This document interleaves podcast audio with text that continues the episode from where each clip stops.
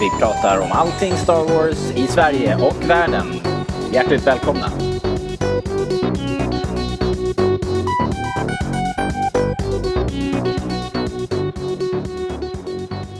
Välkomna ska ni vara till Star Wars Celebration i London. Yay! Live från London. Och ni hör publiken som går vild bakom oss. Det här är alltså ett Rebellradion special. Vi är på Star Wars Celebration i London och eh, det är dag två. Vi har sett massor av kul saker. Vi tänkte vi gör en kort special så här två dagar in. Det låter vettigt. Och eh, det är jag, Robert, som är här och vi har Gamle trogne Daniel. gamle trogna och vi har och så har vi special guests idag. Vi har Jakob. Och Lisa. Yay, bra. Vad kul. Eh, det är så här då att eh, Star Wars Celebration eh, går i Docklands på DXL ute i London och eh, det är över tre dagar, fredag, lördag, söndag. Och, eh, vi tänkte väl bara prata lite grann om vad vi har gjort och vad vi har sett och hur det var. Vi landade på torsdagen, checkade ut våra, eh, våra biljetter och sådär och eh, lyckades se lite av stan. Daniel och Lisa, ni kom senare på torsdagen. Ja, vår, vår resa kom ju inte, den gick inte lika smidigt som din. Nej, eh, såklart. Nej. Försenat flyg, försenat flyg, tåg som åkte fel. Har ni hört om det? Eh, Det är All- oerhört. Aldrig hört det är ganska sällsynt ändå. Fel. Det händer Eh, ibland. Så måste backa Det måste för backa. att sen åka på rätt väg framåt igen. Tänk vilket äventyr. Vad är det för tåg de har i London, Ja, Robert? ja jag inte vet jag. Eh, jag sen- kör aldrig snabbt. Sen kom vi väl fram till eh, mässan, var det runt typ halv elva, elva på kvällen tror jag. Vi skulle hämta biljetter och så, men det gick ju smidigt. Det var folk som var där, folk som redan köade inför eh, eh, panelerna. Ja, eh, det var ju precis. Från och med klockan åtta på torsdagen kunde man börja köa och då gjorde ju folk det Mm. förstås. För det har ju varit ganska mycket snack och oro i, ute i byarna över hur det här kösystemet ska fungera och allting. Man skulle köa för att få armband och man fick max två paneler om dagen. Vi ska, vi ska väl eh, vi ska få våra reflektioner, vad, ni- vad, hur vi har upplevt det, hur det har fungerat i verkligheten och så. Men det var ju helt klart att folk var lite nojiga för att eh, det var ganska många som eh, satt hela natten på, på mässan och väntade. Det var ju väldigt fin stämning när vi kom fram. Folk hurrade och tjoade och vi fick veta lite i efterhand att det bjöds på pizza till de som satt i kön. Och vem vill inte tjoa och vara glad när man får pizza? Av Kathleen Kennedy. Ja, och eh, unge. Boba Fett, vad heter han? Daniel Eh, Logan. Daniel Var Logan var där och delade ut pizza. Ja, jag såg några bilder på det. Så då missar man Och sen det. frågar folk hur man inte kan gilla Boba Fett som är bara med i typ två scener eller någonting. Ja, exakt. Han delade ut gratis pizza. Liksom. Trevlig prick. Vad älskar ju ni? Men vi fick våra badges, kom hem, Ja. han uh, ungefär nudda kudden så gick vi upp igen. Ja, eh, Jakob och jag var så uppe ännu tidigare än vad ni var faktiskt. Så vi var på mässan tror jag 6.30 Ja. på fredagen. Och då eh, visade det sig att det var ju inga problem att få de här armbanden till både Rogue One och Hamel. Vi hade spetsat det, vi trodde att det skulle nästan vara kört ja. för den här populära Rogue One-panelen som skulle gå klockan fyra på eftermiddagen. Men det var inga problem, vi fick eh, komma in på stora scenen på båda. Men ska vi förklara först vad, det, vad problemet var, hur, vad, vad skillnaden är och varför folk Var oroliga. blev oroliga och nervösa. För innan har det ju varit det var en klassisk kö, ett kösystem som att du ska hit, då ställer du kö och väntar tills du går in. Japp. Och det är oftast, men typ kanske två, tre timmar. Ibland behöver du bara komma 40 minuter innan. Ja. Men helt plötsligt, några dagar innan, så säger de att de har ett kösystem där du först ska vänta i kön för att få en biljett, eller få ett armband till en särskild show. Och när du fått det här, som du, du, kan börja kö, du kan börja köa redan kvällen innan, typ från åtta, och de börjar dela ut banden klockan sex på morgonen. Sen får du göra vad du vill. Du kan gå runt på mässhallen eller så, eller så kan du gå och köa igen för att komma in på showen. Ja, för, att- För att få liksom bra få platser. första bästa sättet, för det är onumrerat. Då. Precis, och jag tror det är där folk freakar på att det två köer men samt att det kom, att det kom så alltså nära in på Mm. själva celebration. För det, det hade ju inte nämnts innan, det kom ju så bara och helt kanske apropå. lite otydliga instruktioner i texten. Jag vet inte, men det lämnade lite mycket öppet för tolkning kanske. Ja. Men lite eh, flummigt. Ja, det kändes lite flummigt. Men det har fungerat kan man, kan man väl kanske säga. Jag, ty jag tycker nog att antagligen så kände de att det började bli så stort så de var tvungna att hitta på någonting. eh, Och om, om man kan slippa sitta i kö i 6, 7, 8, 9 timmar så är det ju bra. Så att, då, då tycker jag nog ändå att det här har fungerat. Man har fått visserligen eh, köa ganska många timmar men inte liksom extremt länge. Det har varit hyggliga kötider. Det beror på lite på, för ni, ni två, du och Jakob, ni gick ju och köade ganska mycket tidigare än vad vi gjorde. Mm. Jag och Lisa chansade ju oftast med på sin höjd en timme innan, men Mm. ibland gick vi nästan in en 20-15 minuter innan. Ja.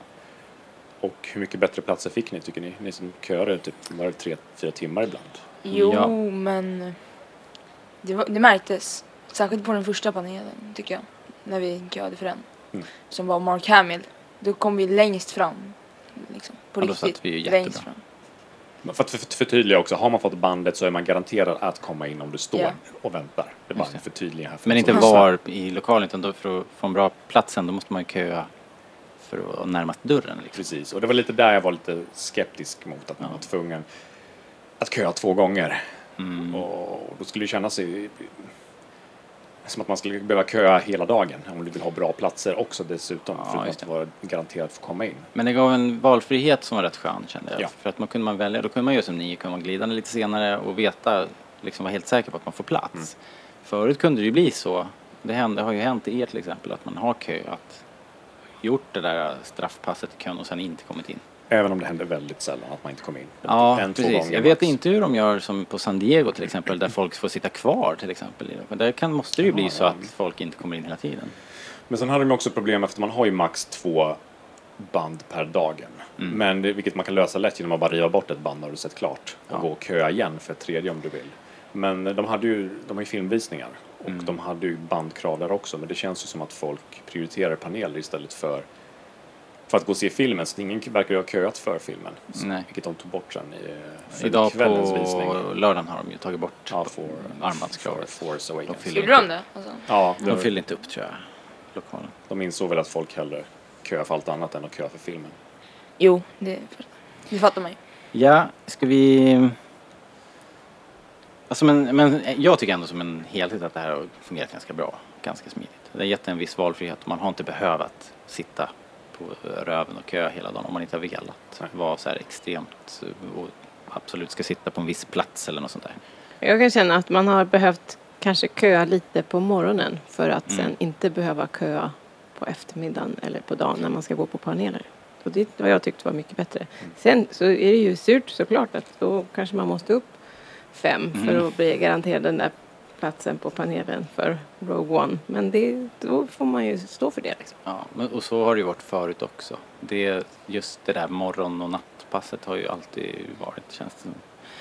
Vi gjorde ju så idag att vi gick upp jättetidigt. För, och det var lite för att jag skulle hinna till Celebration Store som har varit jättepoppis. Så då köade vi för att komma bra och så fick jag springa som en dåre. För att försöka komma först i kön. Det var jag inte. Vi, vi hade kanske 50 pers före mig i kön. Och alla de 50 tror jag han före. Var, var, fanns det vad fanns det i Celebration Store? Vi I Celebration Store var det den officiella merchandisen. Rätt mycket t-shirts, eh, såna här samlarpins, eh, lite mjukdjur. All, liksom allting som hade officiella loggan på sig såldes där. Från, allt från affischer till Muggar. mugg, muggar. Jag köpte en väldigt tjusig mugg. Ja, den. Eh, som jag gillar. Jag, jag, jag har snöat in lite på det. Jag tycker det är mysigt hemma att plocka fram den här muggen. Så vet jag att det är min Celebration-mugg. Den säger, jag har varit i London Ja, och jag mår bra. den berättar sina historier för mig. Mm. Jag minns tillbaks. Ja, vi försökte vi var ju... Kösystemet består ju av olika rännor som släpps in. De fylls på i början, ränna per ränna, och sen släpper man in ränna per ränna ungefär. Lite, lite som ett kosläpp så här. Men vi, låg, vi var ju i ränna nummer två, så vi kom inte lika kosläpp snabbt. faktiskt. Rätt mycket som ett kosläpp. Ja, ja, men vi var- ju i ränna nummer två, så att vi, vi hann ju inte lika snabbt dit. Så när vi kom fram och såg, det var en kravall. Vilken jävla bra liknelse, förlåt. Det är Har, har fantastiskt. du fastnat på den? Ja, sen massa bleka, helt eh, sömniga kossor liksom. Och sen så öppnar de dörrarna och då bara tjoho! Och så sprattlar vi iväg där. Helt stela liksom. folk som inte, folk som aldrig rör sig i vanliga fall börjar springa liksom. Ja, det är en klockren liknelse faktiskt. Eh, ja, nej men första intrycket, vad, vad tycker ni?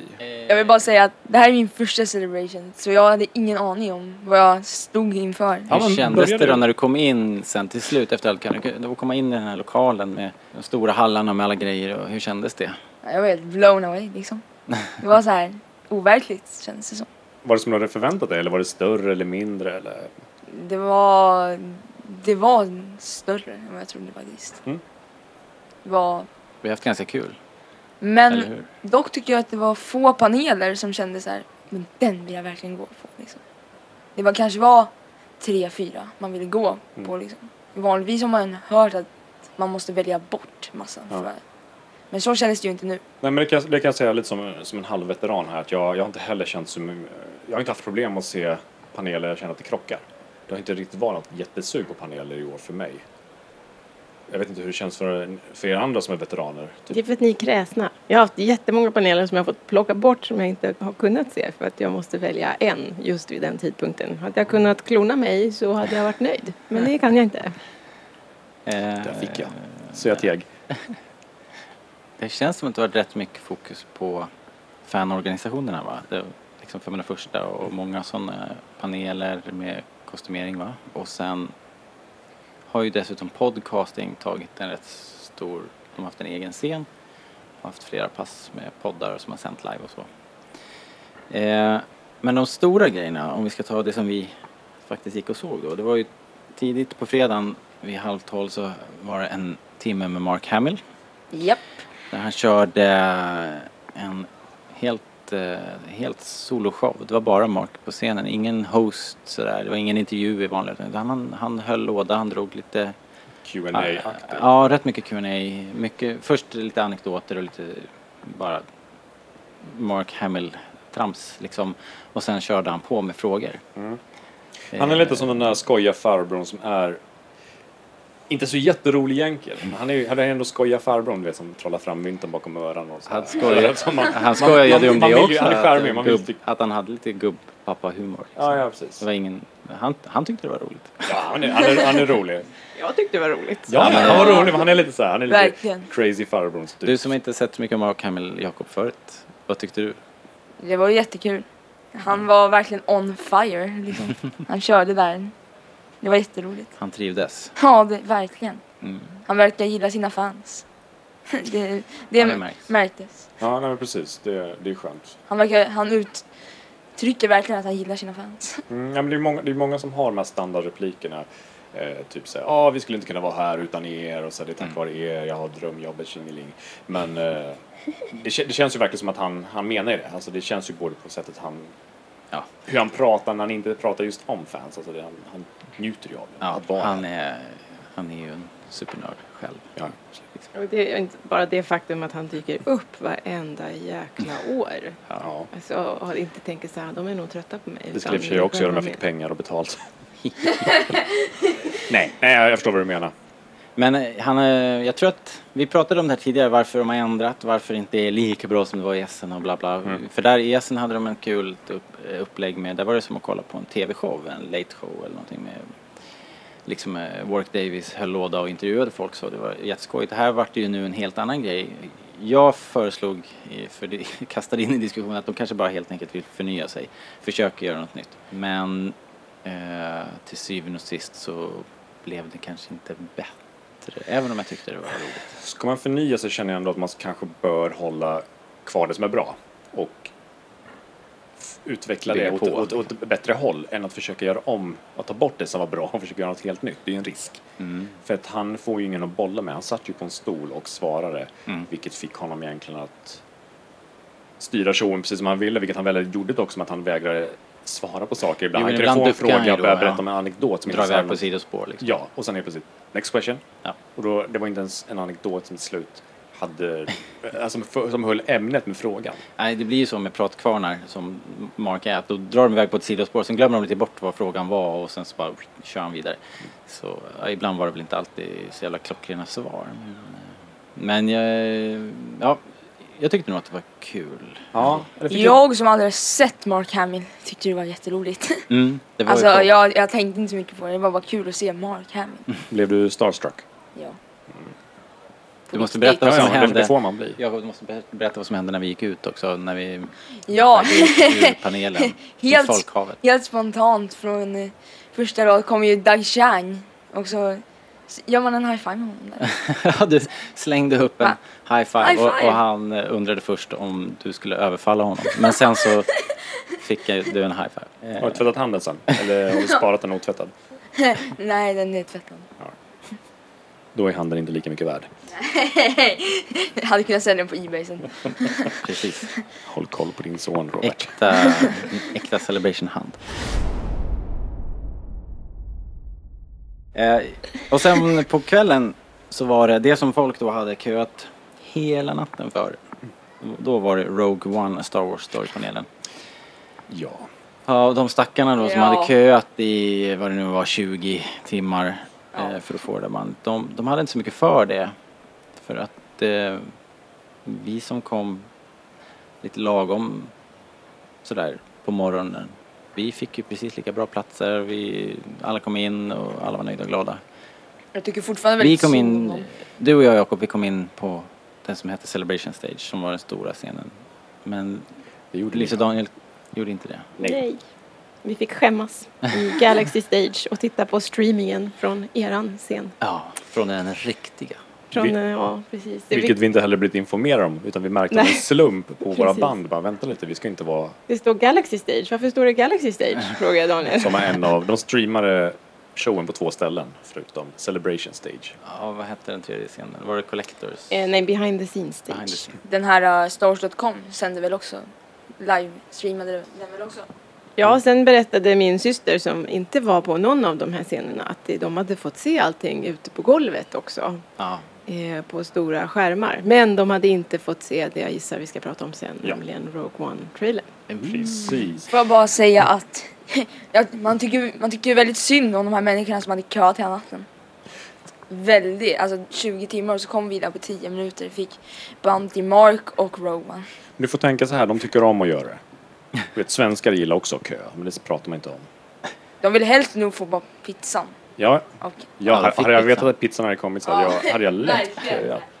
Men vad jag skulle säga var så att ehm, det, är ju- det är ju en klar skillnad på stämning i streamingrum och i, i ett vanligt rum. I alla fall vad jag upplevde. För att jag kan tänka mig, jag har varit i liverum förut och Mm. vet vilken så här stämning det blir att folk eh, skriker, det blir halleluja, ett moment och ja, där är ju uppvärmning. Var det ingen uppvärmning? Nej, nej, nej, Ingen nej, som det- höll låda där för... eh, Nej, nej, vi, vi såg... Ingenting alltså? Ingen. Nej, det var de här som hade showen utanför som stod och pratade in till kameran rakt av Mm, och berättade. Alltså de pratade lite, jag vet inte vad, jag lyssnade Ja, inte Star anekdoter. Wars.com pratade lite generellt det. ja, vi står här med alla fans. Ah, och så, Och sen typ, snälla det. alla vinka. Galaxy-scenen var också ute i hallen. Det var inte ett slutet rum va? Eller? Jo, det var ett, det var ett slutet, eh, slutet rum. eller, Okej. ja, eller när det är inskärmat Ja, nej precis, i, i hallen. i hallen. Aha, okej. Av tunna väggar. Men eh, ja, det är väl skillnad på streaming och vad det brukar vara på live. För att här satt ju folk nästan demonstrativt och höll armarna i kors. Mm. Det, var väldigt, alltså det var ju väldigt få som jublade eller klappade händer eller någonting. Det var väl lite mm, när man fick se den här reelen. Mm. Vi kan komma till det sen. Men annars var det, det var ju ingen, det var inte samma stämning som det brukar vara, vilket var lite tråkigt. Man försökte Det ju. Ja. höja rösten och tjoa lite själv. Men ja. jag som var på Det liven tycker att det var riktigt bra stämning där inne. Alltså de höll ju igång där. Mm, men där får ni ni Ja. köar. Jag måste, Ja, ja, det var ju... jag måste det ge en cred till de här Mark Daniels och DJ Elliot. Riktiga roliga killar. Och det är ju samma, samma personer som alltid, eller Ja. hittills i alla fall, har varit och uh, Ja, man hållit igång och Essen värmt upp publiken. jag han sa att han... Nej, vi såg med Orlando. Nej, vi var ju aldrig i Orlandos show. Nej, inte Orlando. Hans första var Essen. Var Han sa väl det? Han sa ju det. Lyssnar. Ni hade honom som uppvärmning, det hade inte vi. Men du såg honom på streamingen? Nej, vi såg honom inte på streamen. Nej, vi fick inte se det. Nej, Nej, det började det efter. Nej, nej, nej. Vi fick, Vad vi fick en det? cut version. Det var i alla fall eh, lite oväntat Gwendolyn Christie som hostade den här panelen. Eh, det, var, det var helt överraskande och eh, hon drog ner ganska stora applåder också. Det var kul. Folk verkade gilla henne överlag. Jag tycker hon var skön. Hon var skön, Folklig. Li tog, tog en liten stund och blev varm i kläderna men sen var det ju roligt. Jättebra. Hon gjorde bra jobb. det, det är bara du som är kräsen efter två celebrations. Ja men alltså ja. Jag, jag gillar. Jag tycker, hon Vi kändes... mäter ju alla, alla har ju liksom, måste ju komma upp i Warwick Davis nivå. Det är svårt. Det här var hennes lilla redemption efter episod 7. Hon var tvungen att säga någonting. Ja. Hon Alla får inte säga något. Eller alla gnäller så här, "Ah, man fick inte se så mycket Nej, men det var- men det var- Nej, vad nu fick ni henne. Var glada. Ja, men typ. Nej men panelen. Ja, precis. Sitt ner i båten. Det var, um, ja, det var, det var representanter från Story Group, det var Kathleen Kennedy, det var um, Gareth Edwards såklart som regisserar och sen var det he, en he, hela uppställning med skådespelare. Ni får, ni får helt enkelt kolla på show notes och Ja. kolla. Eh, men såklart var ju Mads Mikkelsen var där. Mm. Eh, eh, Forrest Whitaker var där. Han drog nog ner största applåden va? Don Yen var det också. Don igen. Eh, och sen hade vi den här kinesiska actionskådisen. Eh, Don Yen. Den, andra, den andra. Eh, och eh, Alan Tudyk var ju rolig. Ja just det. Han Mm. höll lite låda. Eh, och, och, och Riz Ahmed. shit, vad heter hon nu då som har huvud? Felicity, Felicity Jones. Jones. Eh, var där. Och Riz Ahmed. Riz Ahmed. Ahmed Ahmed. Och någon till. Som jag inte kommer på nu. Det var han eh, spanjoren. Ja. Diego. Diego Luna. Diego. Shit, vi klarade det. Ja, Diego Luna. Vänta, sa vi han som gjorde roboten? Ja, Ja, Alan Tudyk. Är det Alan Tudyk? Det är Alan från Tudyk. Firefly. Just För er som inte vet. Som inte har IMDB-appen uppe redan. Men Fascinerande, ja, vad, vad bra vi var. Det här tog vi ju. eller hur? Utan noter. High five. Klapp, klapp, klapp. klapp. Men- Det var, alla fick prata lite grann och eh, det var lite roligt. Det, det, det som eh, hamnar på minuskontot är väl att, och här kommer en spoiler. för Ja, för- spoiler, för- spoiler, spoiler. alert. Ja, Eh, stäng av den i här- tio här- sekunder.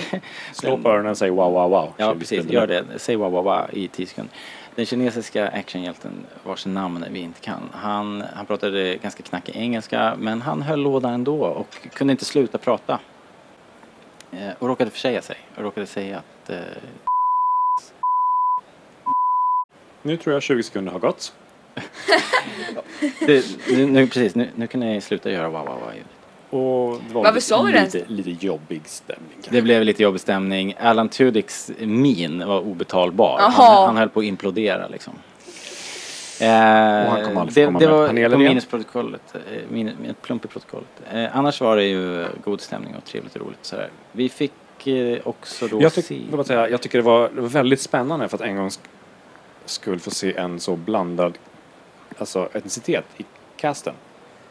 Att det var så blandade etnic, alltså från olika länder och så. Det enda som saknades för att kanske lite var fler, skulle vara fler kvinnor, det var ju bara Felicity. Men annars var det kul, vi hade ju så både kineser, Ja, spanjor, en dansk, Ja. amerikanare. Och så var, var det britt också. Ja. just det. Vi har ju glömt Mendelssohn.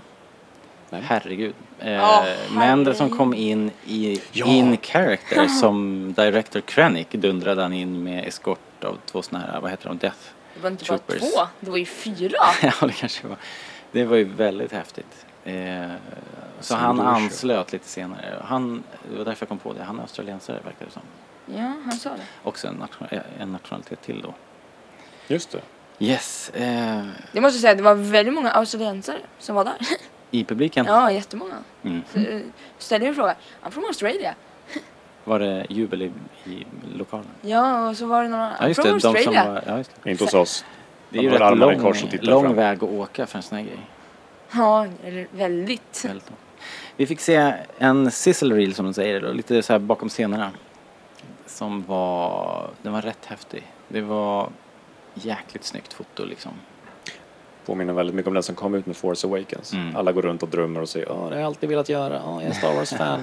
Inte riktigt musik. lika mycket som den, den för Force Awakens var ju ännu mer så. Där var ju alla Ja, helt religiösa liksom. Här var det eh, inte riktigt lika. Men vad kände ni när ni såg den? Tyckte ni, var det pepp eller var det, aha? Alltså jag är fortfarande jättepepp på Rogue One. Mm. Eh, och det blir ju mer pepp här. Det blir ju. Men man blir alltid mer pepp på, på flera scener. Eh, jag har bara fortfarande svårt att smälta eh, location. Jag har inte fått någon kontext riktigt att varför de är på Paradisö och det känns så konstigt att se fast det känns så bra samtidigt. Det känns annorlunda. Mm.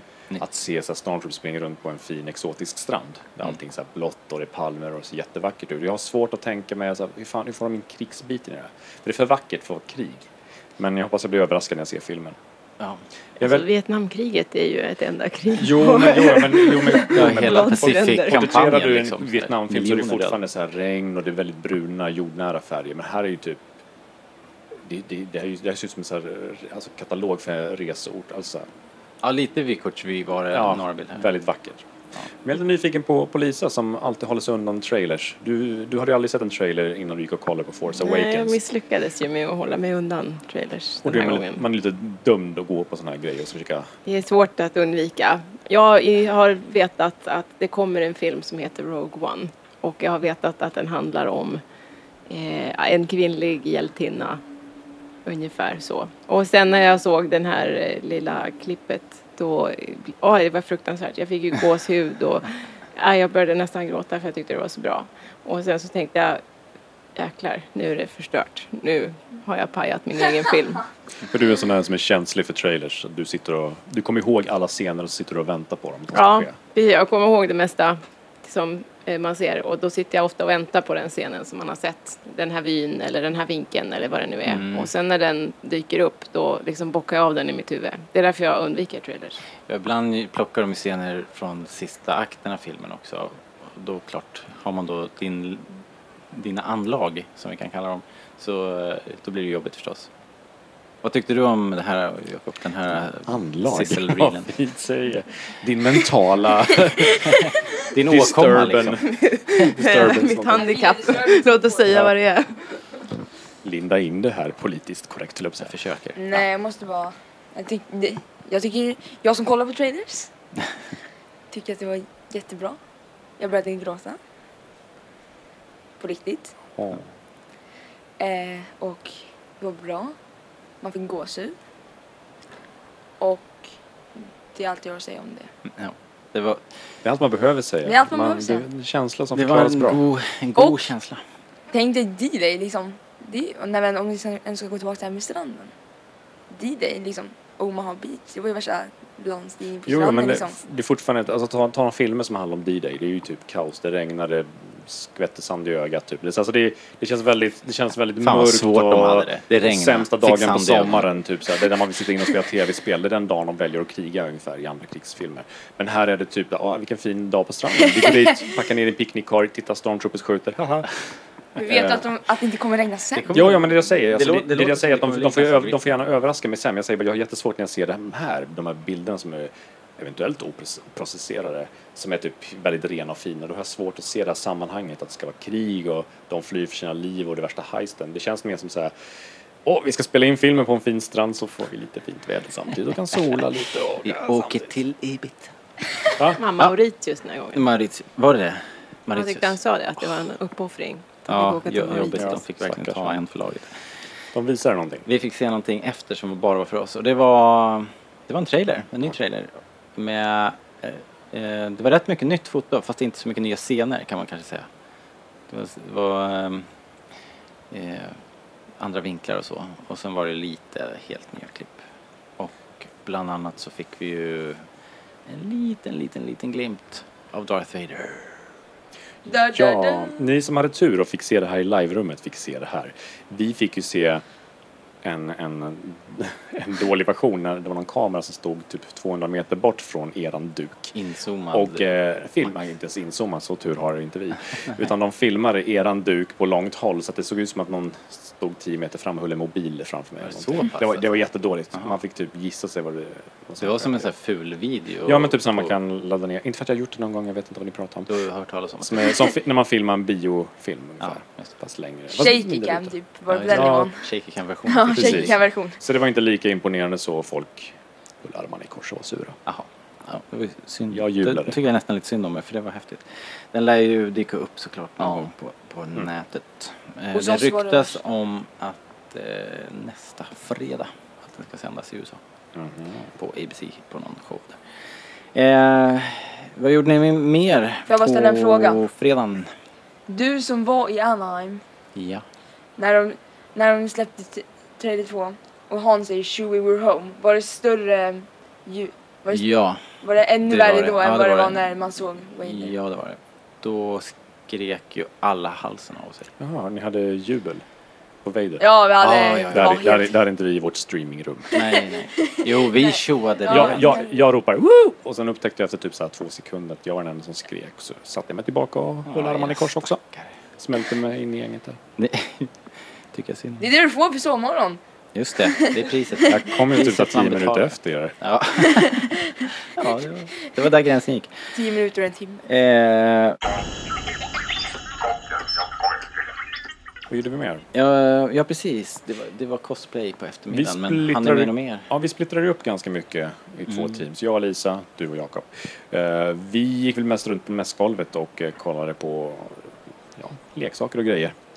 Men vi gick även på ILMs eh, Star Wars arkeologi som de fint kallar det. Ah, Där de, ja, vad pratar de om? Jo, men de berättade om hur, eh, eftersom de nu har gjort Rogue One och eh, The Force eh, Awakens, eh, och det är ju liksom en fortsättning av det här originella Star Wars, om hur man då tar fram det originella Star Wars i design och försöker anamma det i de nya filmerna. mm. Och då var det mycket sådär att man går tillbaka till ursprungskostymerna och ursprungssätten och försöker titta och liksom få till samma känsla. Bland annat fick man se originalet av en stormtrooper-hjälm som för övrigt ser förkastlig ut. så att det är, eh, och så då hur man då ska göra den till en nyare, nyare och på något sätt snyggare utan att tappa den här gamla känslan. Mm. Det där var hemskt. Såg ut som någon målade Ja, i det var full verkligen... Ja, nej, men det var som ett äggskal och så hade någon målat på en liten grå mun. Liksom.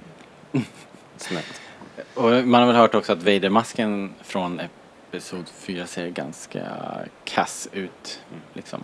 Den, den har ju mycket märkliga... Den är målad på ett, nästan lite kam, kamouflerad. För att det ska se bra ut på filmen så måste, måste de här vinklarna på masken vara målade i olika nyanser tror jag. Så den ser jättekonstig ut när man ser den i arkivet. Det är inte alls så här shiny och fin. Vad var det här? Jag kom aldrig in på det här ILM. Vad var det? det var de med mindre... Ja, nej, det var en annan. Du tänker, du tänker på det här eh, ILM Virtual Reality Lab, eller vad heter det? var inte- X-Lab? Nej, det var inte det. Det här var, Nej, det det här var- en det här var en panel som de var. Ja, då, Med Doug. Då, då var jag inte med.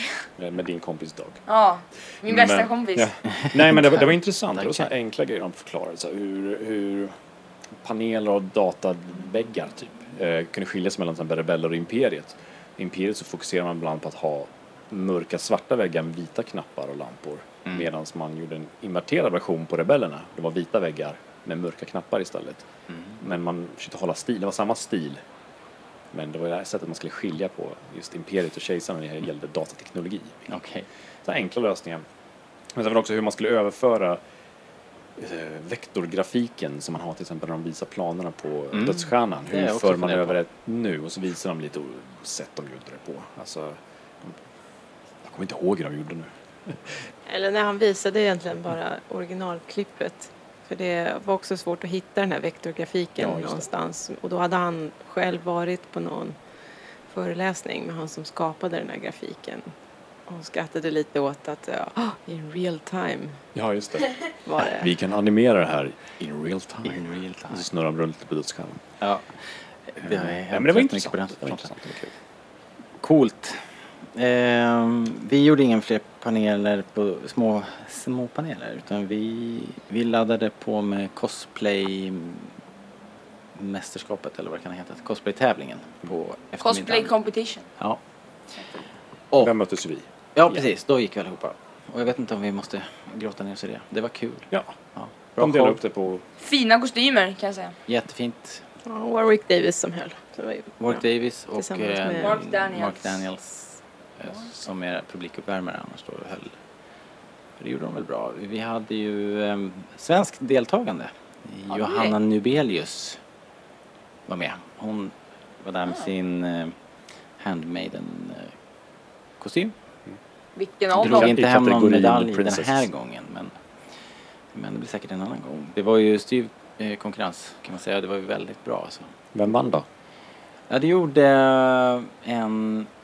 Eh, ett Jag tänkte nytt, kostymen, jag vill inte komma ihåg eh, namnet på Nej, tack. personen. Eh, Grumgar tror jag han heter. Gurungar. Grumgar eller något- sånt. från Episod 7. Ja. Det är den här jättestora, nästan boskeliknande monstret som, Som som, man med- ser i Maskanata slott. Vad är hon heter? Besin eller något? Den här Besin. spionen hos Ja. Maz Kanata. Just det, Basin sitter i knät Ja. på den där jätten. A.k.a. spionen för First Order. Just det. Vad heter det? Och det var ju en rätt häftig kostym. Eh, stor. stor, måste ju ha gått på stylter liksom. Och sen så latex, eh, händer, fötter och ben och mask förstås. Och, eh, men som sagt, det var jättemånga som var, var väldigt, väldigt påkostade och arbetade grejer. Så att det var kul. Imponerande. Mm. Idag är det lördag. Det är det sannerligen. Ja. Då gick vi upp ännu tidigare. Och eh, jag måste erkänna att jag sov lite dåligt. Jag vaknade typ klockan två och började tänka på Rogue One. Sen var det kört liksom. Mm. Det var mycket intryck som skulle processas i huvudet. Liksom. Så lite sömn i ögat ehm, när vi masade oss dit. Vi var där vid sex idag för att få plats på Rebels.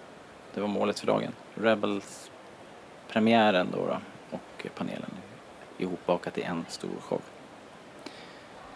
Ehm, men ni, ni klämde in Anthony Daniels också ja, vi tog sovmorgon igen, kan Ja. vi tillägga. För vi vet hur man gör. Ja. eh, Och när vi kom så fanns det biljetter, eller armband både till Anthony Daniels och eh, Och vi ja. behövde inte stå i kö. Rebels. Vi Vi, gick rakt kö. igenom rännan och sa hej hej, god morgon, god morgon. Fick ett band. Ja. Ser ni vad smidigt det har fungerat det här med armband och grejer. Vi hade ju eh, passat på det eftersom vi ändå var där och- ställde oss tidigt. Som jag berättade i inledningen här att då hade ju, då investerade vi den tiden att sätta oss längst fram i insläppet så att vi skulle kunna hinna, eller jag då, då främst skulle hinna fram till Celebration Shop. Nåja, eh, Anthony Daniels körde ett liknande upplägg som Mark Hamill. Han körde en egen show. Ja, inte va- riktigt så. Han Nej. hade Warwick Davis. Jaha, Mm. okej, okej. Warwick Ja, var Davis presenterade och sen så bör, egentligen började Warwick Davis att presentera sig själv med sin, den här fina videoklippet som han hade i SN. Mhm. Ja, den är fantastisk. Och sen så bröts den mitt i och en sur Anthony Daniels kommer ut med skivan i högsta hugg och säger men du ska ju presentera mig. Och så låtsas käbbla de där på scenen en stund. Mm. Ja, Anthony Daniels klassiska ego blir showens kärna typ. Ja. Och sen spenderas större delen av... Äh, först så käbblar de kanske där i en 10, 5-10 minuter. Och sen så spenderas större delen av showen att de ska försöka hitta... Eh, de ska reenacta en scen. Mm. Nämligen den när eh, C3PO och R2D2 blir valda av Uncle Owen och Luke. Ja. Och den var väldigt lång. Så hade de valt eh, C3PO, en liten pojke som var väldigt osäker på sig själv. Och det, kändes, det hela kändes inte jättebra Nej. om de jag ska vara ärlig. Och så hade de fram en liten flicka också som Ja. han typ skämde ut. Hon blev ju jätte... Alltså hon skämdes, hon höll ju för ögonen. Det såg ut som hon grät nästan. Ja. Hon sa ju till slut bara You embarrassed me och så här, typ. Och det kändes Ja. bara obekvämt. Det ja. kändes som han, Anthony Daniels behöver gå en liten kurs i hur man pratar med barn. På det riktigt, var det var, alltså, det var inte kul alls. Det kändes Nej. obekvämt.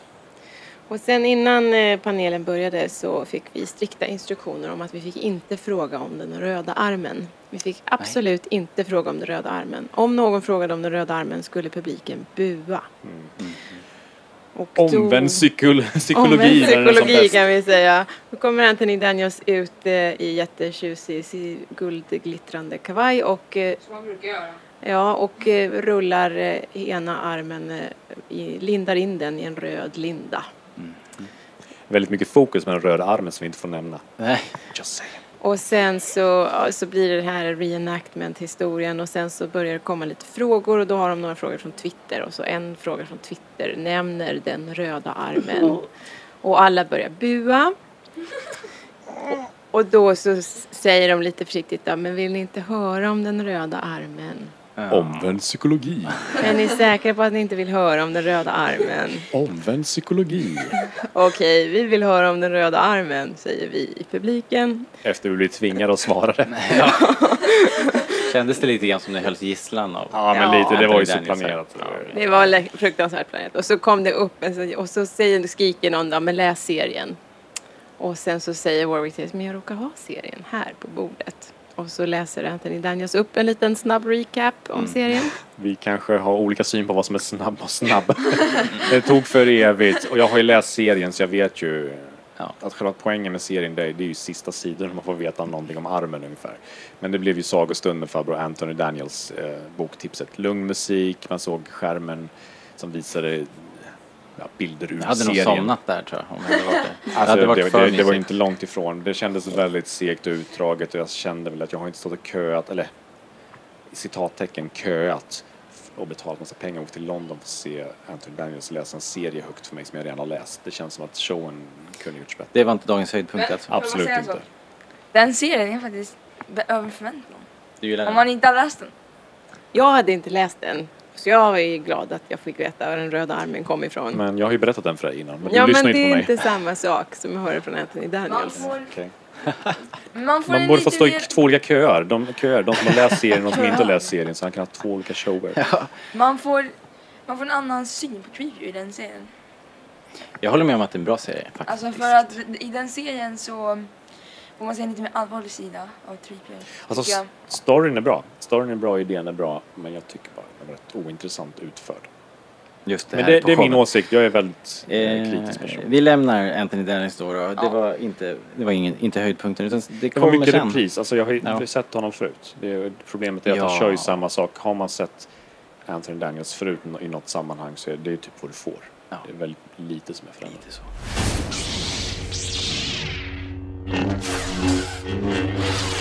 Men framåt fyra tiden så var det ju dags för Rebels säsong 3.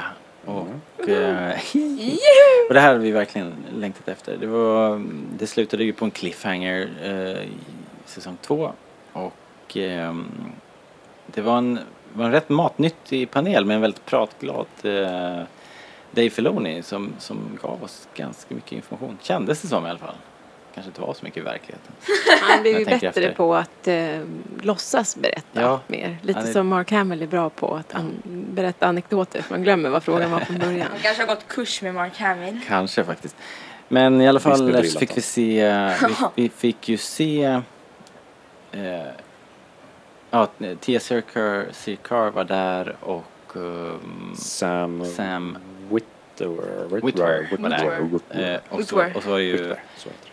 Dave Filoni och så var det eh, Warwick Davis som höll i det. Eh, och de visade dels de nya, de har ju uppdaterat då karaktärsmodellerna lite grann, snofsat till dem lite med lite nya frisyrer och sådär. Kanske mest, Nya luckar. mest hår, nya luggar. Sa de någonting om hur, hur lång tid det har gått mellan säsong två och tre? För det känns som när man kollar på karaktären, det känns som att det har gått några år.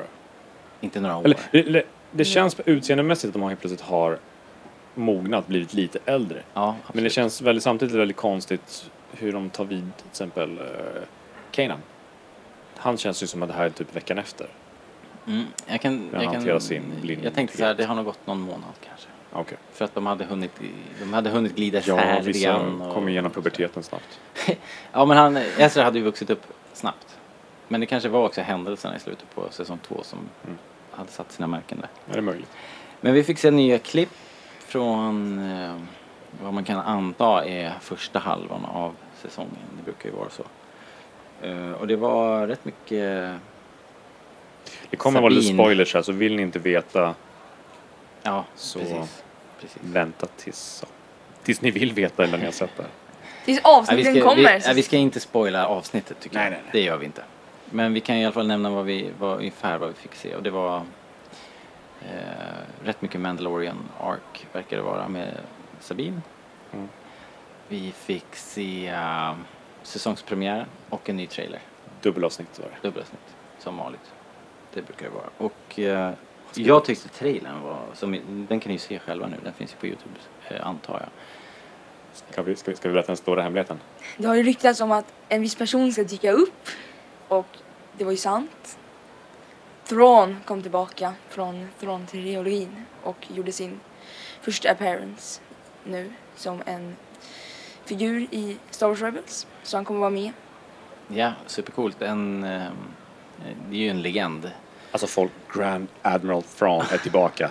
Ja. Man visste om honom, vem jag han hade var inte trott det faktiskt. utan att man, man hade liksom hört hans namn även om man inte hade läst Heir to the Empire. Ja, faktiskt. Han måste ju vara en av de mest kända karaktärerna ifrån eh, Expanded Universe. Ja, han är verkligen känd. Så det var kul. Men där jublades, där jublades folk ställde sig upp, applåderade, skrek och tjoade. Yes. tjoade. Hade det varit streamingrummet så hade folk hållit armarna i kors. Men nu var det tack och, tack och lov inte streamingrummet. vet vi ingenting om. Eh, och eh, ja, men det såg riktigt bra ut också. De hade tagit, jag, jag kan inte de där historierna, sånt, sånt trilogin utan och innan. Men till och med jag kunde ju se att det var lyft både situationer och dialog direkt ur böckerna. Så det var ju liksom troget förlagen. Eh, Vilket är väldigt spännande nu för det här öppnar ju upp att man kommer plocka ännu mer godbitar från eh, gamla Mm, EU. visst. Absolut. Det var det jag sa tidigare. Klart Vad att sa du? sakerna här- Ja, men vi I was diskuterar det här. Det, skulle, det är klart att man kan, eh, allt som är Legends nu, det är fortfarande saker man kan plocka därifrån. Mm. Jag tror han kommer göra det. Och det här är bara början. Man kommer plocka godbitar för det är ju det är bara dumt att kasta bort bra karaktärer, bra Mm. situationer, Daniel, bra du som brukar ha rätt. Vilken är nästa Visst, som kommer komma Det är då? väldigt jobbigt att ha, alltid ha rätt. Säga. Vilken är nästa som kommer? Bra, bra Eh, Jakob. Jag spår åtminstone en till dödsstjärna inom snar framtid. Snacka om lågt hängande. Dödsstjärna fyra. Eh, En, två, tre, fyra. Ja, typ fyra. Men, ja, men det, jag tror inte vi har varit oense där riktigt. Men däremot så trodde jag kanske inte att de skulle lyfta in Thrawn som är en sån liksom eh, stor person i Legends och som är, de, de, de kommer ju behöva skriva om historien om Thrawn. Mm. Vi fick ju veta att den kommer en bok Eller här kommer de göra det, eller måste de göra det? Ja, för att det är en annan tid, det är för tidigt i, i tiden. Men Ja. de, kan ju klistra och klippa lite sen. Vi vet ju Ja, inte vad kanske. som gör nu. Nu kanske, nu kanske det blir en helt annan historia som vi inte har sett. Ja. Sen kanske man kan få in En gamla. Thrawn-trilogin som en form av uh, Fast det går inte, kanon liksom. sen. Du- Men du vet ju, du trodde inte att Thrawn skulle komma in så nyss. Nej men jag menar själva historien, själva historien som är i böckerna, Det den, inte den funkar ju inte med Ja, det- inte, inte ens de gamla Grejen är att jag tror att det här bör gå tillbaka lite till det jag sa också med att eh, Disney är väldigt är rädda och nervösa för att göra bes- fans besvikna. Typ. Vi säger så Force Awakens, vi går in på det igen, att de har gjort det så lik New Hope för att de inte vågar gå emot fansen för mycket. Eh, och nu gör de samma sak med Thrawn som är, alltså som jag inte har något emot. Men han var ju en, han är ju en fanfavorit. Folk har ju velat se honom i, Mm. på något sätt mer och mer. Och då slänger jag in honom. Han sa ju själv Dave Filoni typ. Vi gör det för att vi vet att fansen tycker om det här. Ja. Så det är lite där, samtidigt som det är rädsla för det att åh, nu kommer mer som fansen vill och vet fansen vad de vill ha. Det är en risk. För nu kommer folk börja önska, för vi såg det på frågestunden. Ja. För direkt så börjar frågorna bara, kommer nästa person bli Mara Jade? Kommer nästa person bli... bli? Ja, lite Ja. så här. Och nu kommer anteckningsblocken gå för fullt hos Disney, vilken nästa person de tycker Ja. om. Vilken vi vill Det- dra det in för att finns säkra en cash. viss risk för det förstås. Ja. Eh, Om jag får då kan man ju... Lägga en då, gissning. Då kan man ju eh, liksom eh, komma ihåg att det, knorrades ju rejält på eh, George Lucas på den tiden att han liksom vägrade göra det som fansen förväntade sig. Han var ju precis tvärtom. Han gjorde ju aldrig det som fansen Mm. förväntade sig. Det intresserade honom aldrig vad fansen tyckte. Nu har vi fått motsatsen. Man ska vara försiktig vad man önskar sig helt Ja, enkelt. men lite. För snart får vi önskningar om saker som... Men eh, Inte vi ska inte måla fram på väggen eh, Nej, än. nej. Jag är jätteglad. Jag är en av dem. Det- jag det här såg ju skrek riktigt och kul grät ut, och... liksom. Nej, det gjorde jag inte. Jag, jag jublar i alla fall. När jag, när jag insåg att det var Thrawn. Så att jag, Du ställde dig upp och skrek och grät som ett barn. Erkänn. Barn står inte upp när de gråter och skriker. Och eh, vi ska faktiskt ta och runda av det här. Vill ni, ska vi gå ett varv runt och bara eh, det, ja, säga vad vi tycker om mässan så här långt då? För Mm. det är ju faktiskt en dag kvar. Vi kan väl i alla fall blanda in vad vi hade för förväntningar. För det sa inte vi innan. Vi som ändå varit förut, du och jag Robert. Just det. Vill du börja? Eh, Ja, precis. Jag hade, eh, jag hade väl inte så jättehöga förväntningar. Jag var inte så superpepp heller i, i, för, för något drygt halvår sedan kanske. Men det har, ju närmare jag kommit de senaste veckorna så har jag varit jättetaggad. Jag har varit jättesugen på att åka hit med Jakob. Det är din första celebration och allting. Och det har varit superkul Jakob, måste jag säga. Det har varit, varit Ja, askul verkligen. att vara här med dig och få se allt det här med dig. Det har varit jätte, jätte, jätteroligt har det varit. Och sen har det kommit verkligt coola grejer har vi fått sett med Rogue One och Ja, Rebels. verkligen. Jakob fick väl styra och bestämma också hela Ja, d- eh, d- dygnsrytmen, eller säga, hur, allt vad ni skulle göra. Så. ja, precis. Jo, absolut. hur kändes det, som Var det några val som du inte hade gjort? Som, han jag gjorde? inte hade gjort? Eh, nej, jag hade ju nog eh, sovit lite längre på morgonen och riskerat kanske att missa. Men jag hade nog ångrat det sen då. Om jag nu hade missat, då hade, jag- det hade ju varit jätte, jättetråkigt. Så jag, jag är tacksam för att du har gjort de här valen. och det har inte varit så att vi har, det har inte känts som att vi har avstått någonting. Vi har inte gått upp två. Bara om Nej, nej. Det, det är det ni tror. När han sa två innan. Vi gick inte upp. Sa jag det? Du Ja. sa att du vaknade två. Jaha, just det. Nej, det var för att jag inte kunde sova bara. vi gick inte upp två bara så att... Nej, nej. Nej, vi är väldigt förvirrade här, Jag vi är att mamma ska höra det. Ja, Ja, men Jakob, lite snabbt då. Vad, vad tycker du? Hur har det varit? jo, det har varit jättebra. Om man ska ta två grejer som inte var paneler så måste jag säga att eh, det var jättekul att se alla cosplayare, de, vilket jobb de lägger ner. Mm. Och eh, så när du gick på det här celebrations då Just det. så passade jag på att smyga in på Costumes and Props of One. Så de visade massa kostymer och skepp från eh, Rogue One då. Det var jätteintressant. Jättecoolt att se. Ja. Fick man se den nya Stormtrooper, Jag har man sett bilderna. se- Det är coolt. Director Krennic. Och man fick se nya Shadow Eller, eller vad nu heter. Och lite nya skepp. Ja, och så fick man ju se ny citattecken ny dödskanon. Just det. Alltså, Nya gamla dödskallar. den, så, den, den såg lite annorlunda ut. Okej. Den var Ja. lite ljusare. Det var smart för att eh, när du smet in där var det ju ingen kö. Men sen har Nej, det, det varit, var sen har det verkligen varit ingen konstant kö. hela dagen där. Så att det var ju bra. Bra tajmat. Lisa då? Ja, min höjdpunkt är alltid cosplay. Men den här gången så slogs det nog av Rogue One-trailern. Jag eh, är fortfarande lite kär i den filmen. Och jag vet inte hur jag ska göra med mitt jobb nu. För nu måste jag ta ledigt för premiären. Ja, 14 Det- december har vi, tror 16. jag. 16 december står det på Wikipedia. Men eh, det kan ju ändra sig. Men det är i nog i Americat. Precis. I Sverige 14 då? Jag ska inte, jag, jag, sitter utan anteckningar här. Men jag Oavsett är jobbar rätt jag säker 14 på att det är dagen efter 16. Lucia. Ja, tror okej. jag att jag kommer ihåg. Det löser sig. Ja, 14 december. 14 då har jag hört. Ja. Jag tror det är så. Ni får, ni får go- googla det. Det står på uh, stars.se om ni söker. Use internet. Eh, Vad glad Daniel. att du frågar om mig nu. Daniel, och tänk nu så här, vad var det bästa? Tänk nu inte så här, vad var det sämsta? Det, Det bästa med det sämsta var... Nej, nej, nej. Positiv, Ehm, positiv. Nej, Det bästa nog var att jag hade fel.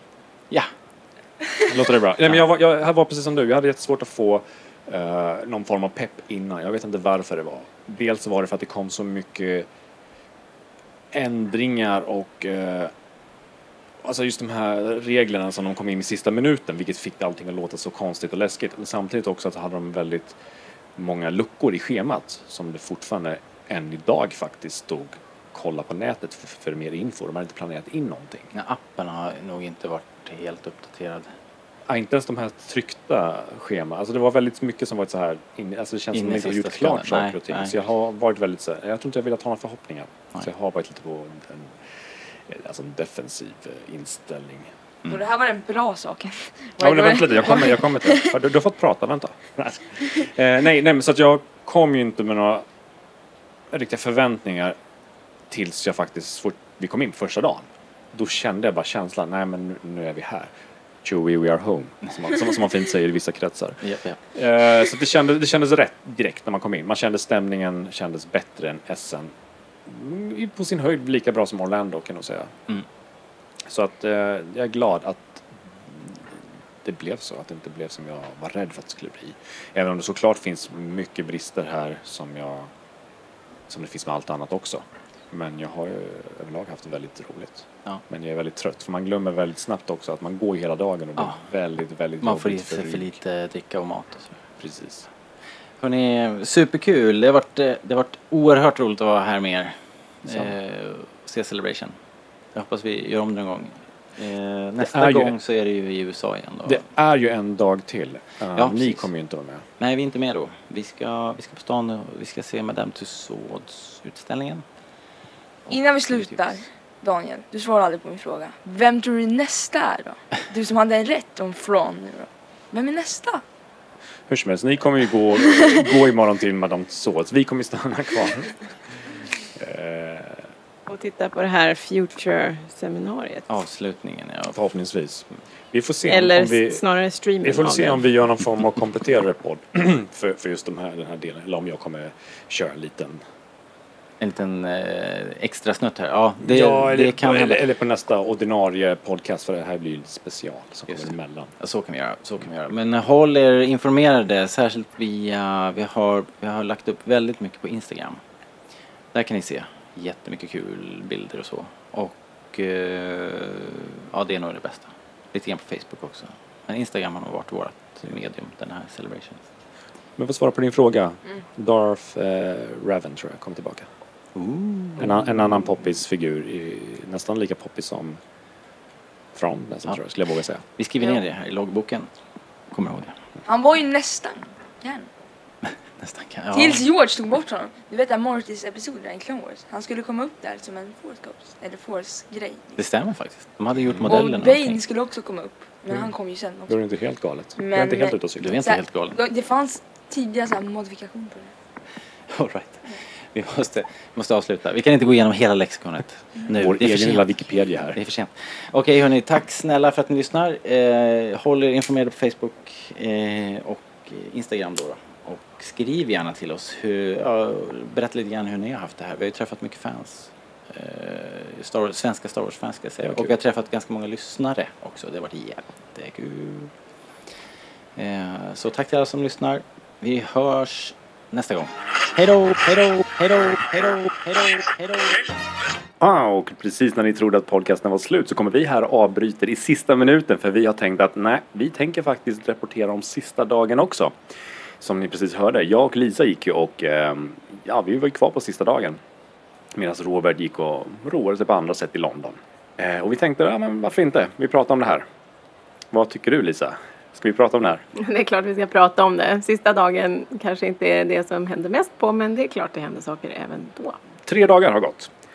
Eh, och det har väl varit tre dagar i Essen också innan och fyra dagar, fyra dagar i Orlando. Tycker du att, eh, att det har räckt med tre dagar? Alltså det är lite med blandade känslor det är tre dagar. Det är väldigt tunga dagar. Man går upp tidigt, man går runt, man äter för lite, man dricker för lite, man dricker för mycket alkohol på kvällen och sen börjar det om igen.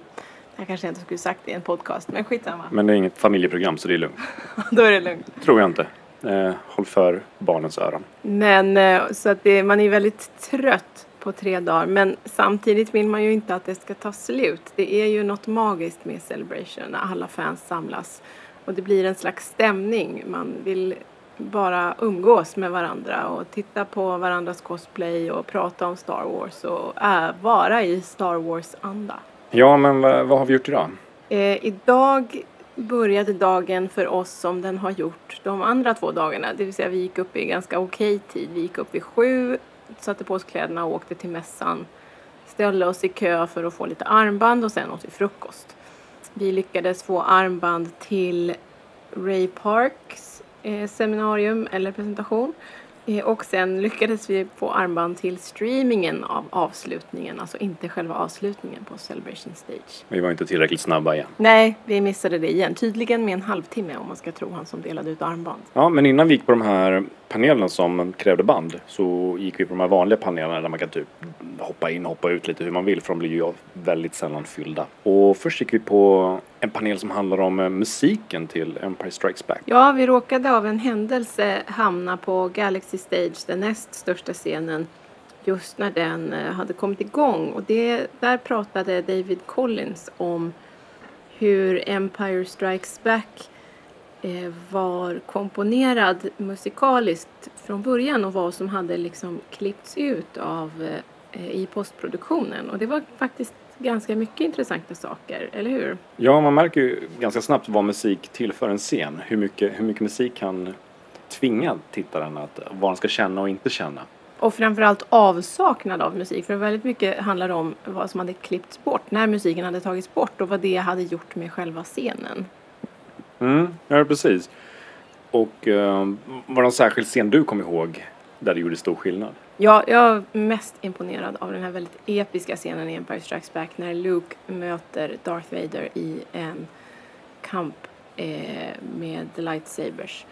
Och då var det väldigt mycket musik som var bortklippt för att det fanns någon oskriven regel om att när lightsabers var igång då skulle man inte ha någon musik för att de krockade på något sätt med varandra för att brummandet av lightsabern i sig är ett, en musikalisk ton. Och den scenen, då fick man se den först som den är idag utan musik och bara ljudeffekter och sen fick man se den med den musiken som det var tänkt att det skulle vara. Och det var ju två helt olika scener.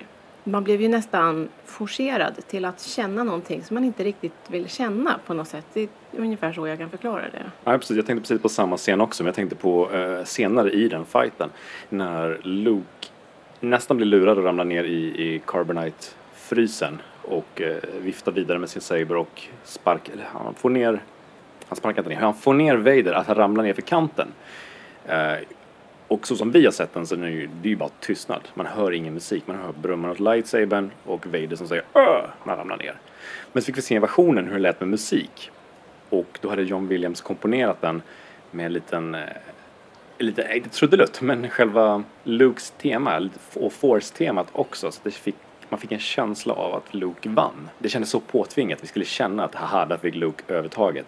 Så jämförde de klippet utan musik, vilket kändes mer mörkare, mer mystiskt. Och det kändes ovist om Vader ramlar ner eller om han försöker lura Luke i en fälla. Vilket blev väldigt intressant, en, en väldigt intressant kontrast tycker jag. Eh, och jag har aldrig känt i den scenen att Luke någonsin var på väg att vinna. Jag har känt att det möjligen blev jämnt. Liksom, Luke lyckades överleva, vilket är som att säga att det blev oavgjort istället för förlust.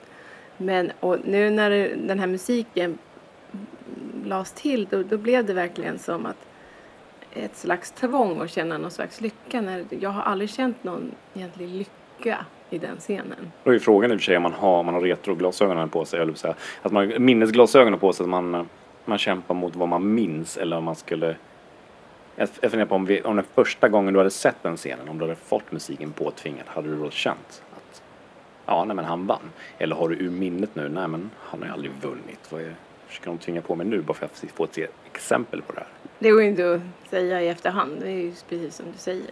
Men en sak, man har ju ändå känslor kvar av vad man kände när man såg originaltrilogin. Man har ju de här minnena, barndomsminnena när man satt där och kände det här, åh nej vad läskig Darth Vader är. Och de, de minnena är ju jättesvåra, just känslominnen tror jag är jättesvåra och, och göra om. För de sitter som sten och då om det där, någonting gör att det kommer, uppkommer en annan känsla då, då känns det nog lite fel. Ja, precis. En annan scen var ju där när de hamnar i asteroiden, eller de gömmer sig för Imperiet eh, med Millennium Falcon. Och eh, det är precis innan Minox kom, eller det är under Minox-scenen, så visar de en scen hur det var tänkt från början när det är musik.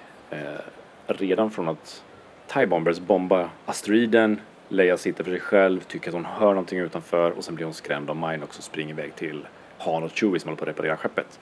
Med musiken så blir det väldigt vad de kallar det för Mickey Mousing, att man eh, på något sätt bestämmer allt med musiken, hur det ska låta, vad som händer i minsta lilla sekund, hur folk ska känna eller hoppa till eller typ tycka att det är fånigt. Eh, vilket kändes jättekonstigt för det blev nästan lite komiskt och man förstör den här överraskningsmomentet med Minoken som suger sig fast på fönstret.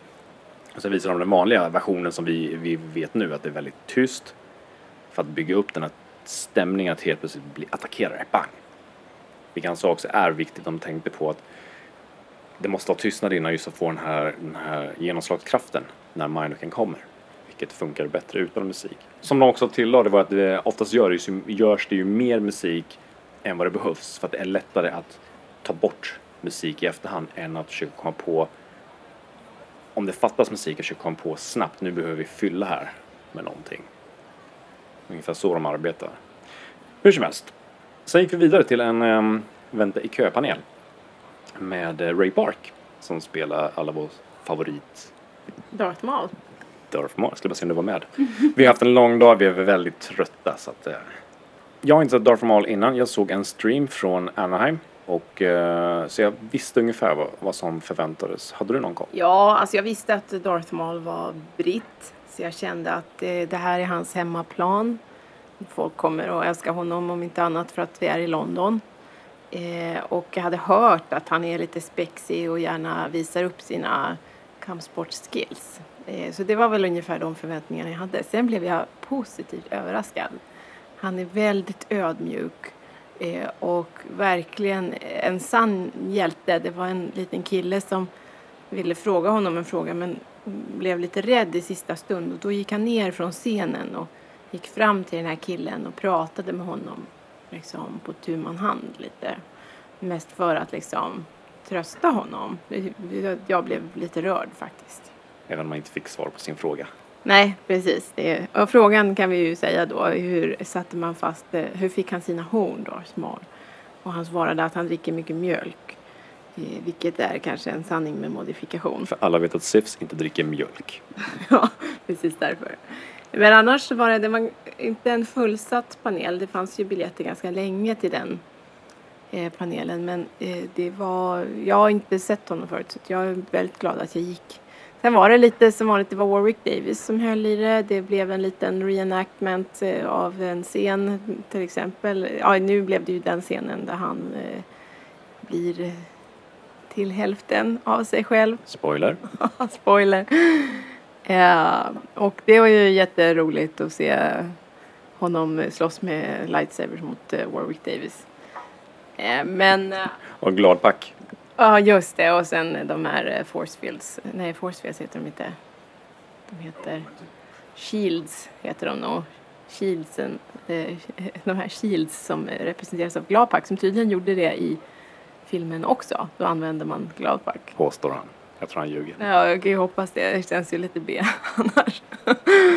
Eh, Men det, så det var ju trevligt. Han fick också frågan om han följer, för nu vet vi ju, spoiler, spoiler, ni som inte följer Clone Wars och Rebels, att eh, Darth Maul eh, överlever. Och eh, har liksom en fortsättning efter, efter att han är i, i tudelad. Och så han fick frågan om han följer Darth Mauls liv och det gör han. Men man kan ju tycka att det är lite synd att han inte själv får agera sig själv så att säga. Nej, precis. Det, för det är känslan jag får. Han, han, verkar, han var nästan den trevligaste hittills. Alltså, han är ju väldigt snäll och trevlig och man vill nästan bli kompis med honom. Han är ju inte Darth Maul. Han är ju motsatsen till Darth Maul på riktigt. Och, och, och man känner ju att man vill ge, så här, ge killen en ny chans. Han, han är ju Darth Maul, det är han ju. Alltså man, han har ju utseendet är baserat på honom. Allt han gör är ju baserat på honom. Och det känns ju lite konstigt att när man återuppväcker honom så egentligen med all rätt där, för att röstskådespeleri är ju en helt annan bransch. Men att man ger det till en annan röstskådis som får göra det. Och man, jag kan inte låta bli att känna lite så här, det var lite taskigt när jag inte gav Ray eh, rollen som Darth Maul igen. För det känns lite som hans huvudroll och jag tycker han förtjänar att komma tillbaka på något sätt. Kanske starta en kampanj. Hashtag bring Ray back. Ja, han kanske får komma tillbaks episod 8 eller något. Ja, han lever ju fortfarande så att vem vet. I alla fall i, i Rebels. Exakt, det vet man aldrig vad som händer. Efter eh, Ray Park gick vi och eh, spenderade lite mera pengar. För tydligen är det så att när det är sista dagen på mässan så eh, sjunker priserna på mässgolvet. Vi hittade, väldigt, eh, vi hittade ett bokstånd där man hade halverat priserna. Och vi hittade flera ställen som hade reducerat priserna något. Det var inte så att man eh, köpte allt för det men man blev ju lite mer angelägen att lätta på plånboken. Eh, vad fyndade du Daniel? Uh, det blev en bok.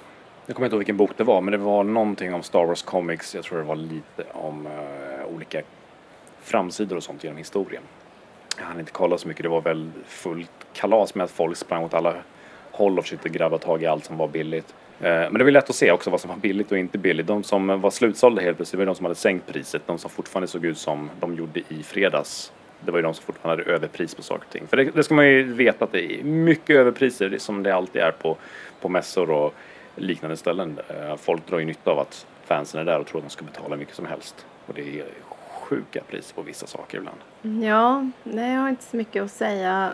Jag fyndade inte jättemycket i år faktiskt. Jag ska säga att jag låg väldigt lågt på shoppingbehovet i år. Jag har lagt eh, i, under tidigare året eh, hemma har jag lagt mycket pengar på cosplay så att det, jag hittade liksom inget som lockade extra mycket. Jag hittade lite saker till våran eh, dotter men eh, inga stora saker att skryta om. Men eh, cosplay, det vet jag att du, brukar gilla att titta på och kika på. Vad, hur kändes det med cosplayen i år? Till skillnad från de andra gångerna. Nej, men cosplayen i år var ju makalös. Det är inte det bästa cosplayen jag sett. Det bästa tror jag var nog Orlando för, måste det bli, fyra år sedan eh, som Orlando var. Och, eh, men däremot så har man sett en stor skiftning av Barn. Det finns många, många, många fler barn som cosplayar. Folk tar med sina barn på mässa. Och väldigt många små tjejer som cosplayar Ray. Och det gör mig väldigt glad faktiskt. Mm, väldigt positiv trend. Men med väldigt många från Force Awakens överhuvudtaget. Men just det var väldigt många små tjejer som du säger. Vilket var väldigt kul att se. Ja, alltså för det, det, är, det går bara att ändra det här med könsfördelningen på ett sätt och det är att skapa fler karaktärer man kan relatera till. Och fortfarande är vi sådana att vi reagerar på samma kön på något sätt. Har du någon, eh, någon favorit-cosplay? Cosplayare? Vad är, vad är ordet för någon som cosplayar? Ja, cosplayer. Ha? Vil- Har du någon favorit? Jag såg två väldigt bra exempel på Kylo Ren som jag tänkte wow vad häftigt. Och sen så jag är ju en väldigt sucker för bra troopers, alltså stormtroopers. Så Sådana såg jag ju också. Sen är ju de här stora mastodont-cosplayerna de som engagerar sig och ställer sig på styltor som wookies och eh, allt möjligt. Det, det imponerar på mig. Eh, men annars, eh, ja och sen såg vi ju såklart R2D2 och C3PO. Det var ju väldigt bra cosplay. Vi lägger säkert upp någonting på Instagram om ni vill kika på det. Ja, för vi har uppdaterat väldigt mycket på Instagram ifall ni har missat det. Vi har försökt att lägga upp det på sidan som status och eh, påminnelse att vårt Instagram Rebellradion har väldigt många bilder och uppdateringar från just från Celebration alla tre dagarna. Så det är bara att gå in och kika och lite videoklipp också.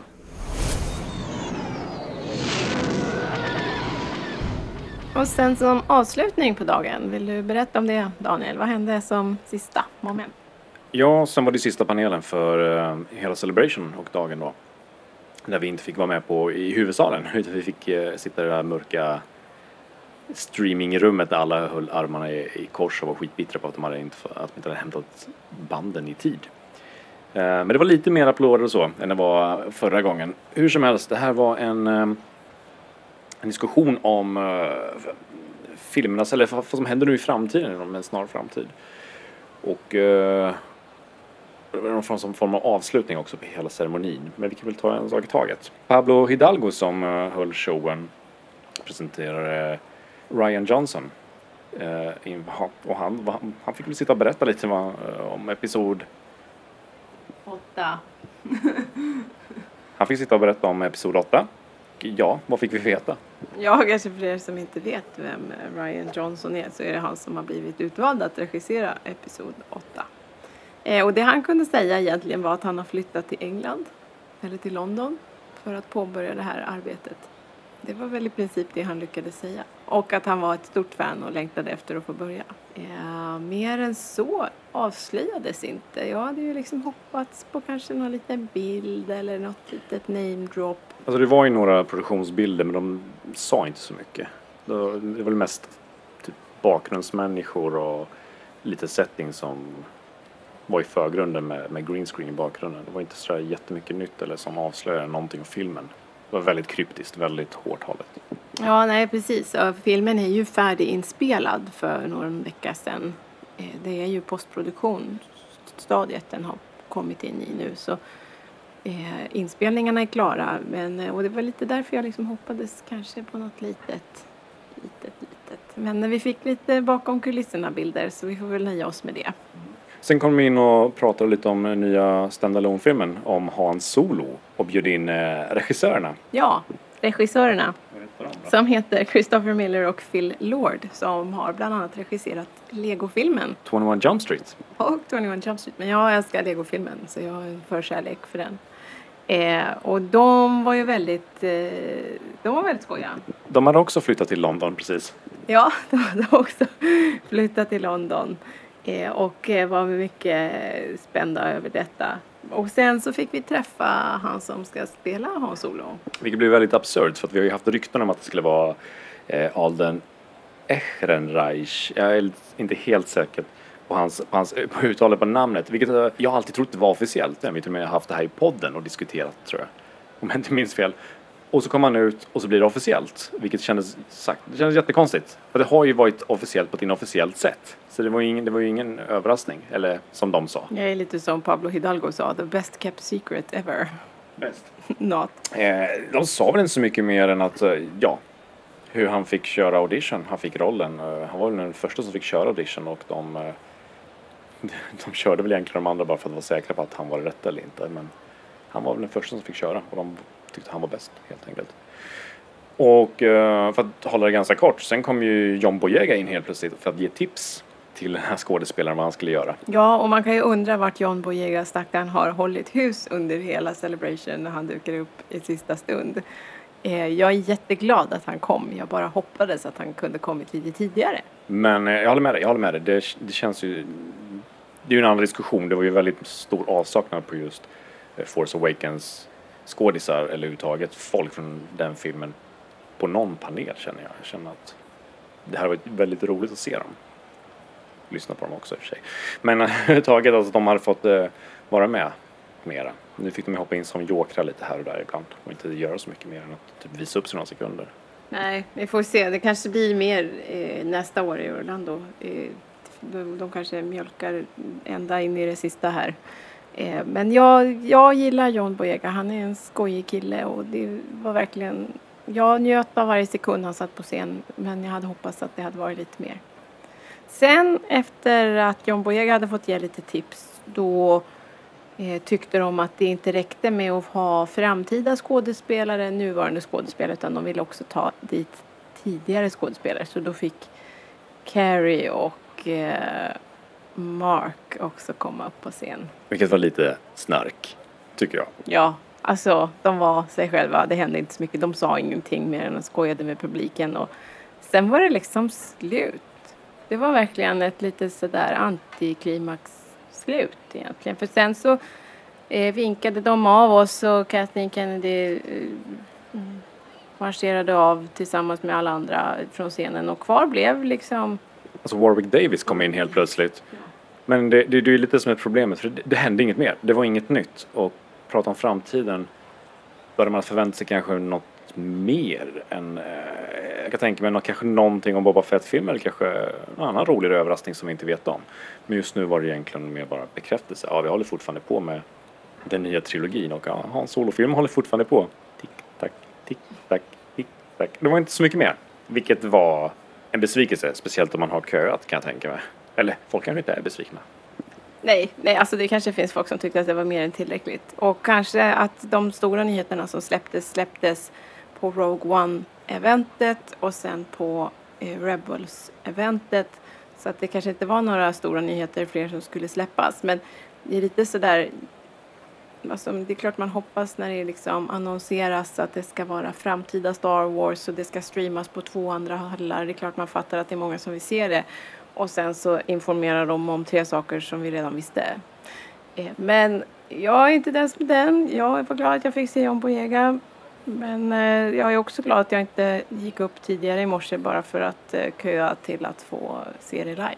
För det hade jag inte behövt. Nej, jag håller med. Jag, jag, vet, jag vet inte riktigt vad jag hade förväntat mig. Jag, det kändes som, att, som en avslutning på, på hela festen så hade man ju velat ha något mer bara. För att det kändes som att folk satt kvar och väntade på att ah, men nu är det musik, nu går alla upp och kramar varandra och tar selfies och ska typ av scen. Och så vill man bara vänta på att Kenry skulle stanna kvar och säga äh, vänta lite, vi har en liten överraskning som hon brukar göra ibland. Men det var, det var inte så. Sen kom Warwick Davis in som sagt. Det kanske var så att det skulle hända någonting mer men att de ångrade sig i sista minuten. We will never know. Men Warwick Davis kom in och körde en liten eh, klassisk Tack för det här, det här var jättekul. Lite vanlig så här. Ja, men, ni fans gör det här och så vidare och så vidare. Och så visar de ett par ihopklippta eh, filmsnuttar från, eh, från golvet bland med fans och andra skojigheter. Vilket var, det var, det var väldigt sentimentalt, väldigt sorglig musik och man kände att det ryckte lite i ögat igen. Ja, om vi då ska sammanfatta våran eh, tre dagars helg kan vi kalla det. Om du ska sammanfatta med tre ord och ett positivt, ett negativt och sen ingenting tänkte jag säga. Ett tredje. Oj, en svår. Eh, vi, vi, jag antar att vi räknas som veteraner. Det här är vår tredje. Uh, vår tredje celebration.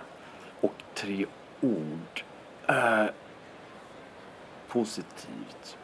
Bättre än Essen. Negativt. Sämre än Orlando. Nej, jag ska försöka vara mer kreativ där. Eh, Vi kan säga så här, du kan få sammanfatta din långhelg med tre punkter. Ett positivt, ett negativt och ett valfritt. Det blir inte så mycket lättare där, men jag kan försöka.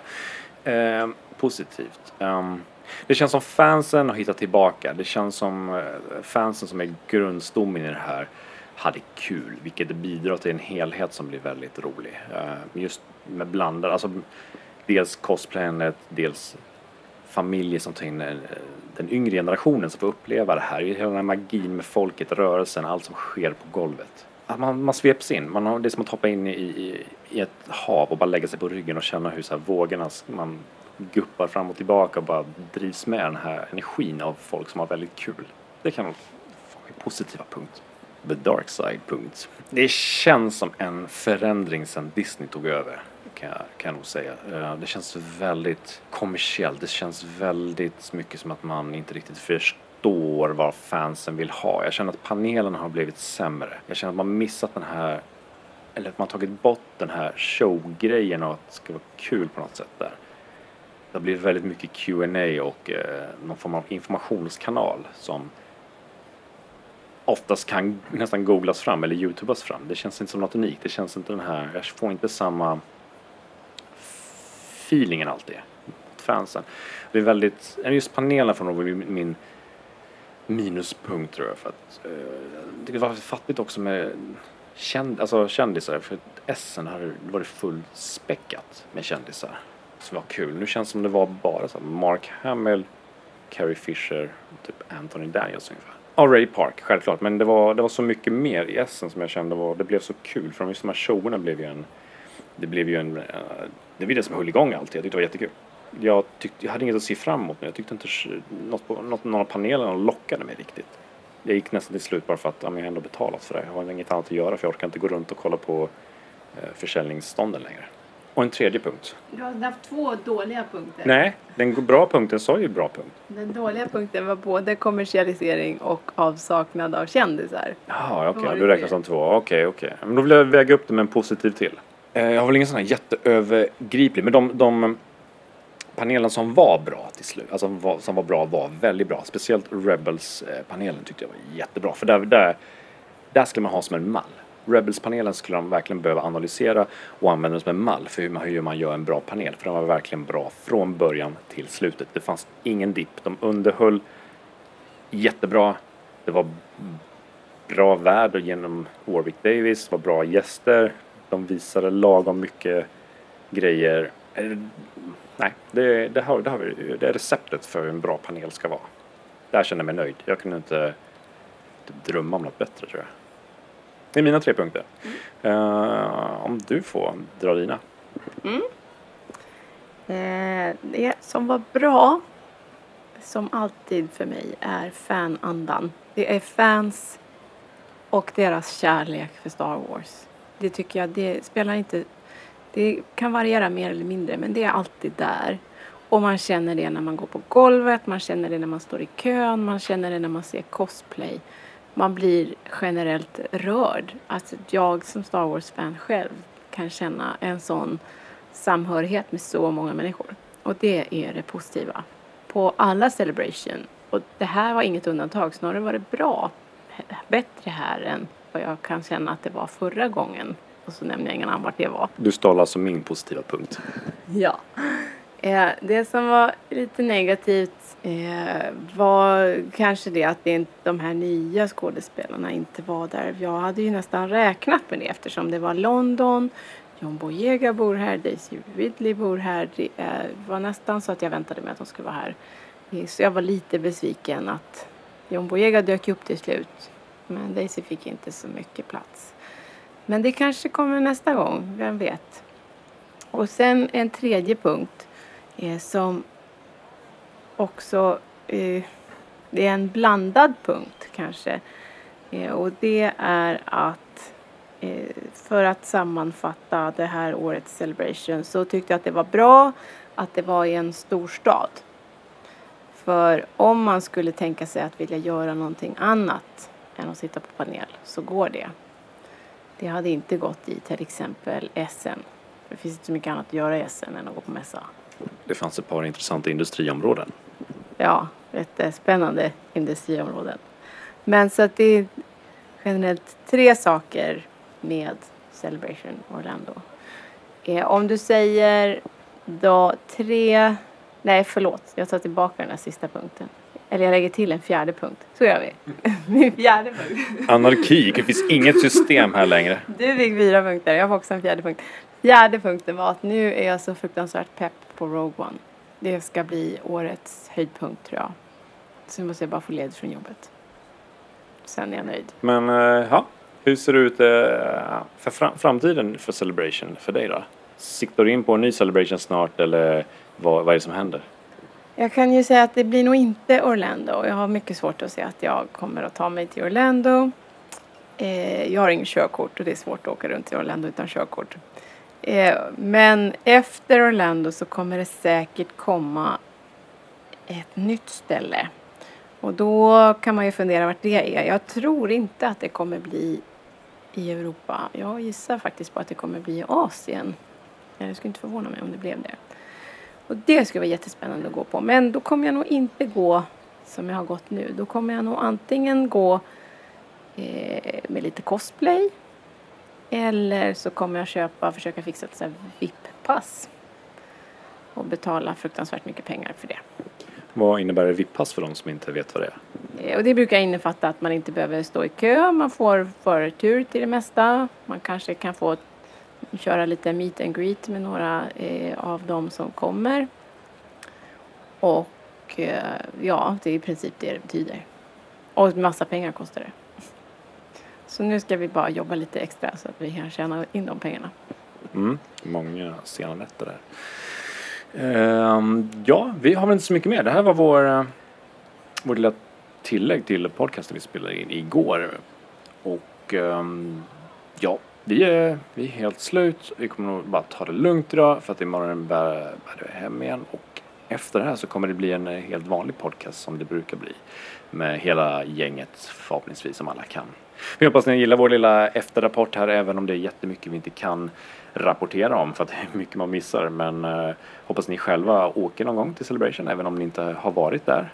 Eller ja, vi hoppas ni åker till Celebration och upplever det själva om ni inte har gjort det hittills. Om ni har tankar och åsikter om Celebration, om ni har varit där så skulle det vara jättekul att eh, höra om dem. Skriv gärna i våra kommentarsfält vad ni tycker och vad ni, hur ni upplevde det för att som sagt, det här är ju våra, våra egna åsikter och det speglar ju bara hur vi upplevde det. Andra kanske hade mycket sämre eller mycket trevligare. Men det skulle vara kul att höra hur ni upplevde det. Eh, slut på det här tillägget och vi hörs igen. Hej då! Hej då!